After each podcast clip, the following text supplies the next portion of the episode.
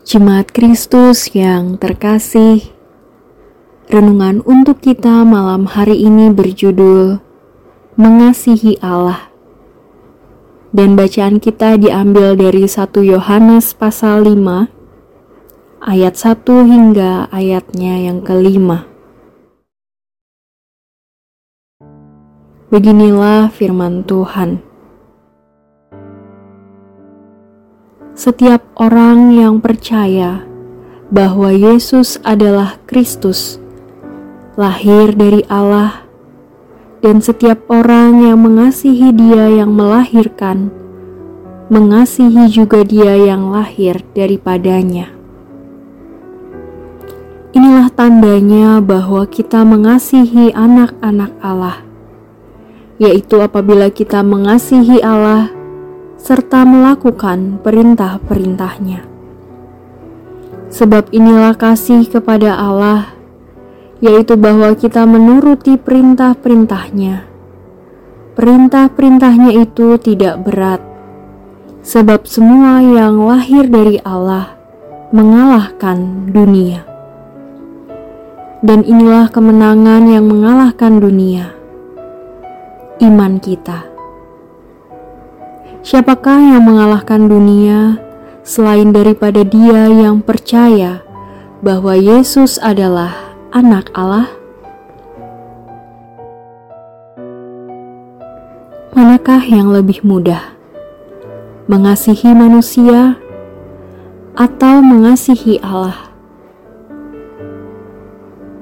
Kalau mau jujur, sebenarnya lebih sulit mengasihi Allah karena kehadirannya sering kita ingkari. Dalam mulut dan perkataan, kita sanggup berkata bahwa kita mengasihi Allah.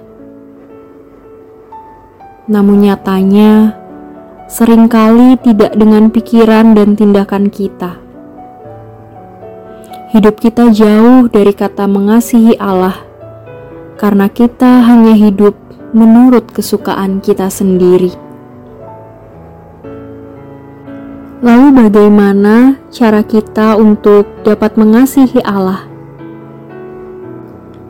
Yohanes menyebutkan yang paling pertama yang harus kita miliki adalah iman. Iman menjadi hal yang penting karena dengan iman kita dapat memiliki dorongan dari Roh Kudus untuk dapat memahami maksud Allah dan belajar untuk menyatakan dengan tulus dan sungguh dalam hidup kita.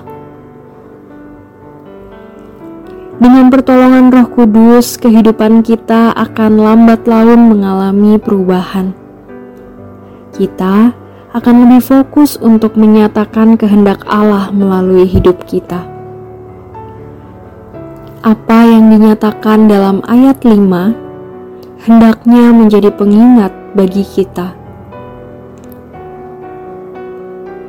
bahwa mengasihi Allah dan melakukan segala sesuatu sesuai kehendaknya akan membuat kita dapat menghadapi dunia bagaimanapun situasi dan kondisinya.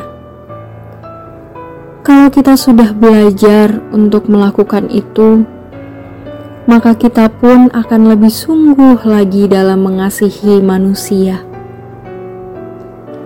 Kasih kita kepada sesama manusia bukan hanya kasih yang dilandasi karena kepentingan-kepentingan tertentu, tetapi itu semua akan berlandaskan kasih yang tulus. Mari nyatakan kasih Allah dengan sungguh. Demikianlah renungan malam hari ini. Semoga damai sejahtera dari Tuhan Yesus Kristus tetap memenuhi hati dan pikiran kita.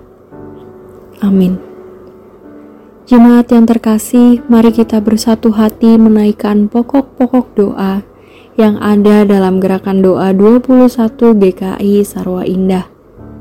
Mari berdoa.